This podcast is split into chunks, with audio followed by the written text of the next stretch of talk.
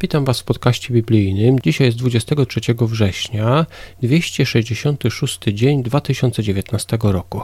Ja zapraszam Was do wysłuchania kilku komentarzy odnośnie czterech fragmentów Biblii, które były do przeczytania na dzisiaj. Pierwsza Samuela, rozdział 20. Saul tak nienawidził Dawida, tak wielką nienawiść miał, że gdy dowiedział się, że jego syn Jonatan, jego następca tronu, pomagał Dawidowi, rzucił w niego włócznią.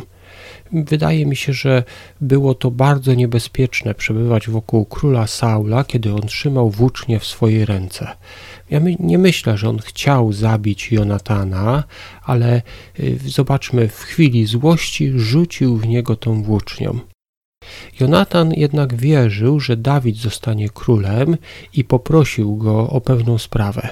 Y, pierwsza Samuela, 20 rozdział, werset 15 mówi Nie przestawaj okazywać lojalnej miłości moim potomkom, nawet kiedy Pan wytraci wszystkich Twoich wrogów z powierzchni ziemi mając na myśli wszystkich Twoich wrogów, być może myślał o, być może myślał o swoim ojcu.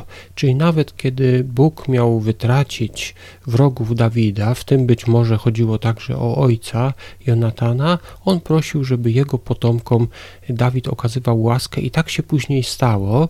Będziemy o tym mówić przy okazji Mefiboszeta. Jeremiasza, rozdział 24. Pierwszy werset mówi o ludziach, którzy poszli do niewoli w Babilonie. E, pierwszy werset mówi tak.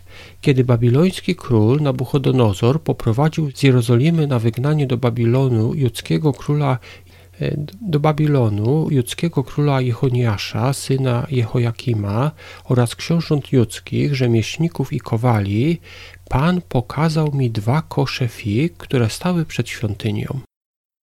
Naturalnie moglibyśmy sobie pomyśleć, że ci ludzie, którzy poszli do niewoli, to są ludzie, którym Bóg, których Bóg chciał ukarać, a ci, którzy pozostali w Jerozolimie, bo Jerozolima jeszcze stała przez około 10 lat, to ci to są ludzie, którzy, którzy, którym Bóg okazał łaskę, którzy być może byli dobrzy.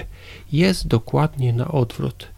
Y, te dwa kosze fig właśnie wyjaśniają, że król Jehoniasz i ci pierwsi wygnańcy to były te dobre figi. I tak było. Wśród tych pierwszych wygnańców, oprócz tego króla, byli na przykład prorok Daniel i prorok Ezechiel. Oni się znaleźli wśród tych wygnańców, którzy byli tymi lepszymi figami. To nie znaczy, że tam były same ideały, że tam byli sami dobrzy, bogobojni ludzie, ale to były te lepsze figi. Efezjan, rozdział pierwszy. Paweł przedstawia się, potem mówi o wybawieniu, a później chwali Efezjan za ich wiarę. I w siódmym wersecie mówi o jednej z najważniejszych nauk chrześcijańskich. Efezjan 1:7 czytamy tak: W nim chodzi o Chrystusa, w nim mamy odkupienie przez jego krew, odpuszczenie występków według bogactwa jego łaski. Puszczenie grzechów przez krew Chrystusa jest najważniejszą nauką chrześcijańską. Księga Przysłów, 28 rozdział, wersety 19 do 21. Mnie zaciekawił szczególnie werset 21, gdzie czytamy: Nie jest dobrze okazywać stronniczość, ale zdarza się, że człowiek robi coś złego za kawałek chleba. Mamy tu dwie takie ważne prawdy.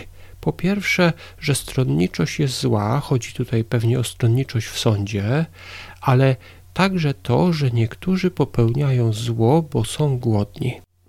Być może jest to właśnie wskazówka dla sędziów. Z jednej strony sędziowie mieli bezstronnie wysłuchiwać kogoś, z innej strony mieli karać ludzi za kradzież, ale tutaj przypomniano im, że czasami ludzie robią coś, bo są po prostu głodni.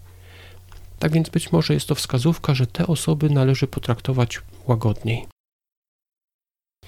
Y, na dzisiaj to już wszystkie myśli. Dziękuję Wam i zapraszam do jutrzejszego odcinka. Do usłyszenia.